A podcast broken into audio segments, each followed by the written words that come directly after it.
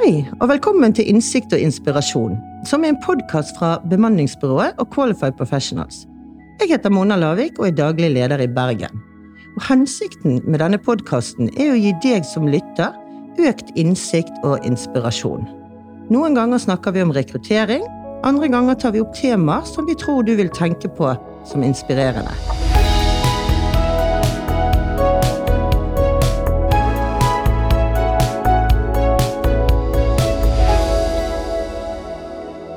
Dag har jeg invitert en av våre kunder hit. Og nå sitter jeg her med daglig leder i Norengro, KJ Brusdal, Ruth Brusdal. I Bergen er hun allerede godt kjent pga. sitt miljøengasjement. Og det er nettopp det vi skal snakke om i dag. Men du Ruth, kanskje du først forteller oss litt om Norengro KJ Brusdal? Det kan jeg selvfølgelig. Norangro er en forbruksvaregrossist. Det vil si at vi kjøper inn og tilbyr varer til kunder i hele Vestland fylke.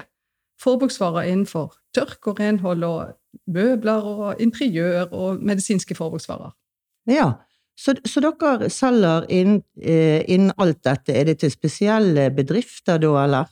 Vi selger både til offentlige og private bedrifter. Så det er alt fra legekontor til store kommune, kommunale Ja. eh, si, kunder. Da. Og sjømatnæringen. Det er overalt. Overalt. Ja. Ja. Og du er jo selveste sjefen for Norengro, KJ Brusdal, som er jo en familiebedrift. Hvordan ble det du eh, som skulle ta over den lederrollen, og hvor lenge har du vært i denne rollen? Jeg har vært i rollen siden 2005. Jeg Begynte i bedriften i 1995. Eh, Men det var egentlig helt tilfeldig. Jeg, var inne, jeg er egentlig utdannet kokk, stuert, eh, og jobbet eh, Og? i den bransjen. Ja. Ja. Det må du fortelle litt mer om. ja, det kan jeg gjøre. Det var eh, Jeg jobbet på Enhjørningen, en flott sjømatrestaurant på Bryggen i Bergen. Og så valgte jeg å ta stuertlinjen etterpå det, og så gikk jeg på Handelshøyskolen. Men så plutselig så ble jeg en kontordame, som, vi het, som det het den gangen. Ja.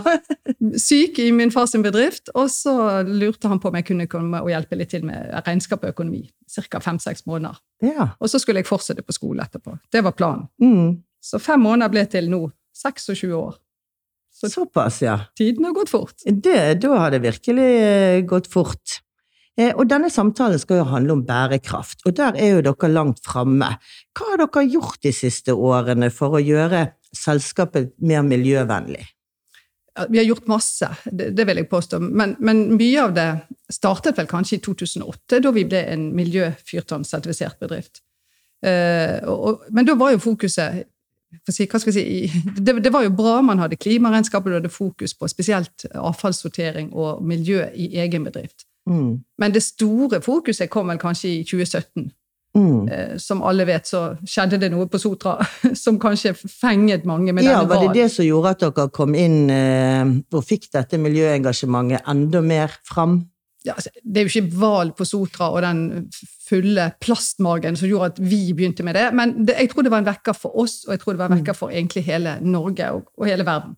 Mm. Så kanskje det var en slags sånn spark i bakken til at her må vi faktisk gjøre noe. Dette her er ikke bra. Ja. Vi kan ikke se på dette uten å ta grep. Mm. Mm. Men hvordan blir et sånt engasjement til action? Altså, hva er det som førte til forandringen for Norengro?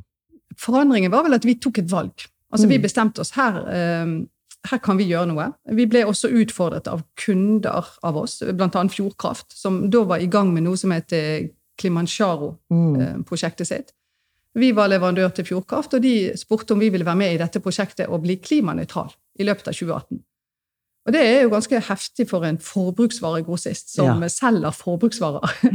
For forbruk i seg selv er jo negativt ladet ord. Så, eh, så når jeg tenkte at eh, vi ble utfordret, så ble det litt sånn, det gikk litt sånn eh, sport i det. Vi Ja. skal søren meg klare det. Ja, Vi kan bli klimanøytrale i 2018, men da må vi gjøre en del grep. Så Ja. det var egentlig liksom en, en, en sånn For å få fart på sakene, da. Mm. Og så har jo det ballet på seg med flere aktiviteter. Mm. Mm. Jeg ser dere har noe som heter Bærekraftskolen. I Norangå, ja, for når vi begynte med, med altså, Da vi bestemte oss for å bli klimanøytrale, så måtte vi jobbe internt i hele kjeden med å få dette til. Mm. Så Bærekraftskolen ble dannet i 2018-19. Mm. Eh, på hele, altså i hele kjeden, fordi at eh, man ønsket å få med seg alle ansatte. Og det er viktig å få et engasjement. Mm. Så Bærekraftskole er en e-læringsplattform i Norango-systemet for alle avdelinger. Ja. Spennende. Men du, dette klimafokuset, sant? kan du være litt sånn konkret på hva innebærer det i praksis for dere? Um, praksis så innebærer det at vi egentlig går gjennom måten vi driver vår business på. Mm. Du har alt innvendig eget hus. Det handler om logistikken vår. Det handler om hva vi kan gjøre med produktene vi selger, og det handler om hele livssyklusen til våre produkter som vi selger. Hva gjør vi for å påvirke våre underleverandører? Mm. Så det, er egentlig bredt det er både inside og outside i bedriften. Ja. Da, så ja. det som er viktig, er at vi vet og jobber nå med hvor kan vi gjøre størst eh, si, virkning for å skape minst fotavtrykk. Ja, skjønner. Skjønner. Og nå har dere fått sånn, eh, fått sånn el-lastebil. Hvor langt kan du kjøre med en sånn, da? ja, det er sånn som alle spør om. Ja, ja, vi er litt stolt av den el-lastebilen, det må jeg si. Det er den første varebilen som uh, går i Vestland fylke. Største lastebil, ikke varebil. Mm. En Volvo 16 tonns uh, lastebil med plass til 15 paller, så det er en stor bil, men den kan bare gå ca. 12-15 mil. Ja. Men det er nok i den forstand altså den skal brukes i, i bykjernen, fordi vi har store offentlige anbud som krever eh, fossilfri logistikk. Og dermed så kan den kjøre en fin runde og tilbake til vår, vårt logistikkhus i Arna og på en måte lades på nytt om natten. Ja, så bra. For når jeg sitter og hører på det, Ruth, så hører jeg om et veldig ekte engasjement. Hvordan har du greid å spre det i resten av eh, organisasjonen? Eh, det handler jo mye om kommunikasjon. og så er jo det, Hvis det er ektefølt engasjement, og det har jeg vel fått høre at vi, vi, vi, vil noe med dette. Sant? Og når vi mm. da får med oss folk fordi at vi kommuniserer det internt, fordi at vi bruker ulike eh, interne plattformer og kommunikasjonsplattformer, så er det faktisk mulig å, å, å få det til. Og litt skrytete å si, men vi hadde jo en eh, ISO-resertifisering nå nettopp, eh, mm. hvor eh, vi hadde en helt ny revisor fra Nemco og det som var kjekt, det var han sa etterpå, at jeg opplever en ektefølt eh, si, engasjement rundt bærekraft og miljø i denne bedriften. Det er mm. de på lageret, det er sjåfører, det er ledere, og det er mellomledere. Altså, veldig mange snakker om at dette er viktig for dem. Mm. Så da har vi oppnådd noe, noe si, rett rundt det. Men akkurat hvordan vi har fått det til, jeg tror det handler mye om involvering. Ja. Skape, skape, lyst til å lære noe nytt. Ja, mm. og det er jo veldig bra. Sant? Men hvordan startet det? Altså, hva som førte til engasjementet til alle medarbeiderne, da? Eh, litt, litt, det samme som jeg svarte i sted. Altså det å, å, få folk med seg handler jo igjen om å, å si, mm. kommunisere nytten av det. Sant? Hvis du jobber som salgsrepresentant i Norangro, så ønsker du å, å, skape eller dekke et behov hos mm. kundene. Mm. Og hvis de har et behov, eller ikke vet at de har et behov innenfor f.eks. Eh, plast, eh, altså engangsplastdiskusjonen, da, så må jo våre kunder, våre selgere, vite at det kommer et direktiv i juli mm. i 2021 et forbud om å bruke engangsplast. Da må de forstå hva det SUP-direktivet, som det heter, eh, består Altså hvilke, hvilke, krav som kommer der, og mm. hvordan de skal få kundene til å konvertere til lovlige produkter. Ja, og For å forstå det, så må de sette seg inn i det, og da, da, da skaper man et engasjement. Ja. Mm. ja. ja. Tenker du at dere også tjener på dette, at dere blir mer populære og vinner markedsandeler fordi dere er så miljøfokusert? Ja, jeg mener det må være lov å si at mm. man skal tjene på noe, eh, og mm. samtidig ha fokus på miljø. Det går an å ha flere tanker i hodet samtidig. Og, det er jo det som egentlig er bærekraftsdefinisjonen. Si, det at du faktisk skal uh, ha miljøfokus. Du skal ha et, et, si, bunnlinjefokus, mm. og så skal du ha et, et si, samfunnsansvar. Mm politikk rundt hvordan ja. behandle mennesker. Så hvis du klarer liksom alle de tre faktorene, da, så er jo det summen av det, eller det som er i midten, i kjernen av de tre sirklene, det er egentlig definisjonen bærekraft. Ja. Så det å overleve i bransjen, eh, det er veldig viktig. Vi må tjene penger på det vi holder på med. Vi er ingen ideell organisasjon. Nei, sant? Nei. da, man er jo en bedrift. sant? Og tror du at du noen gang blir ferdig med arbeidet med å være miljøfyrtårn og klimanøytral? og Nei. Dette er jo en, en pågående prosess som uh, man egentlig aldri skal bli ferdig med. Og jeg tror verken vi eller andre bedrifter eller landet vårt eller denne, de som si, jobber og bor på denne kloden vår, må bli ferdig med det. For da har vi vel kanskje uh, tapt, mm. hvis vi kan si det sånn. Vi må ja. jobbe kontinuerlig med det, og vi må hele tiden stille nye krav til vår bedrift, til hva vi kan gjøre. Vi må feie for mm. egen dør. Mm. Og så må vi selvfølgelig spre den kunnskapen vi da uh, får etter hvert, til våre kunder, sånn at de også kan Eh, for å si, jobbe med sine grep. Ja. Har dere noen konkrete krav til leverandører, eller noen initiativ der som er konkrete? Vi har mange konkrete krav. Vi er jo en kjede som vi innledet med. Mm. er en landsdekkende kjede med tolv eiere, sånn som vi i Bergen. Og eh, for å bli underleverandør til Norango-kjeden, så må du gjennom mange ulike stadier. Du, blir, eh, du må ha godkjent innenfor Factline, du må være etisk ansvarlig bedrift, du må ha mange ting på plass. Mm. Code of conduct, avtaler osv. Så, videre, og så, videre, så det er viktig at de som leverer varer til oss, også har dette fokuset. Men vi kan jo trekke dette enda lengre. Ja. Og det jobber vi med nå. Vi skal ha en dialogkonferanse med eh, våre underleverandører og produsenter. Ja. Hvor vi skal snakke mer om hele det som, altså, en, en reise sammen med våre leverandører. Da. Hvordan kan vi sammen redusere fotavtrykk og få en grønn dominoeffekt bakover i vår leverandørkjede? Mm. Det tror jeg er veldig viktig. ja. Og er engasjementet like stor i hele ledergruppen din, eller er det du som driver eh, prosessene framover?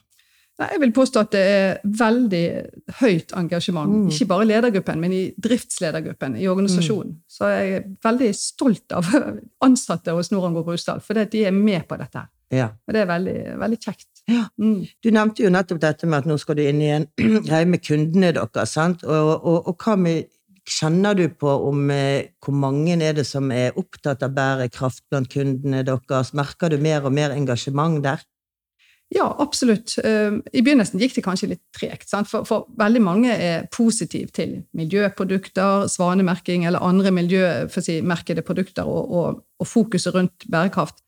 Men det tok litt tid før vi merket at fra det å synes at det var fint, men det var for dyrt, altså Mm. til at det faktisk Jo, jeg ser at jeg trenger det, fordi at mine kunder etterspør det. De vil ha miljømerking på emballasjen, Ja. eller de vil ikke ha plast å spise med, osv. Så, videre. så vi ser helt tydelig at kundene våre er modnes i, i sine ønsker og behov. Mm, så flott. I denne podkasten som vi har, som heter Innsikt og inspirasjon, så er vi opptatt av rekruttering, selvfølgelig. Tror du at den tydelige bærekraftprofilen som dere har, har fått en betydning for attraktiviteten dere, har som arbeidsplass? Ja, det, det vil jeg påstå. Vi, vi har jo mange møter med andre daglige ledere i, i kjeden vår, og vi snakker om dette faktisk ganske ofte. Og både vi og andre eiere opplever at eh, når vi har intervju med ansatte, eventuelle Mm. ansatte, så spør de ofte om bærekraftfokus. De er interessert i de verdiene vi har. Og Det er ikke bare bærekraft, men det er like mye det samfunnsansvarperspektivet. Ja. Det er lett å glemme dette med, med samfunnsansvar og ansvarlig næringsliv. Mm. For det er jo også en del av bærekraftsmomentet. Si, så um, vi opplever at flere og flere bryr seg om dette. Ja. Mm. Er engasjementet størst blant de unge, eller er det Det er jo et inntrykk en del har, sant? at det er de unge som er mest opptatt av dette. Ja, det er både og. Jeg opplever i hvert fall at de eldre som Når, når de først engasjerer seg, så kan de faktisk bli veldig engasjert. Så, Ja. så hos oss vil jeg bare si at det er en fin miks. De som eh, er ung, har gjerne lært mer om det på skole, de har sett mer om det på TV, og Greta Thunberg og alle som har vært med Mm. i sosiale medier, mer enn vi som vokste opp i 60-tallet. ja? Så, så, så de er vel mer bevisst på, på ord og bruk og alt dette her. Men, men jeg merker at flere eh, eldre, si, middelaldrende, vår alder da, også fint klarer å få et stort engasjement rundt dette. Ja.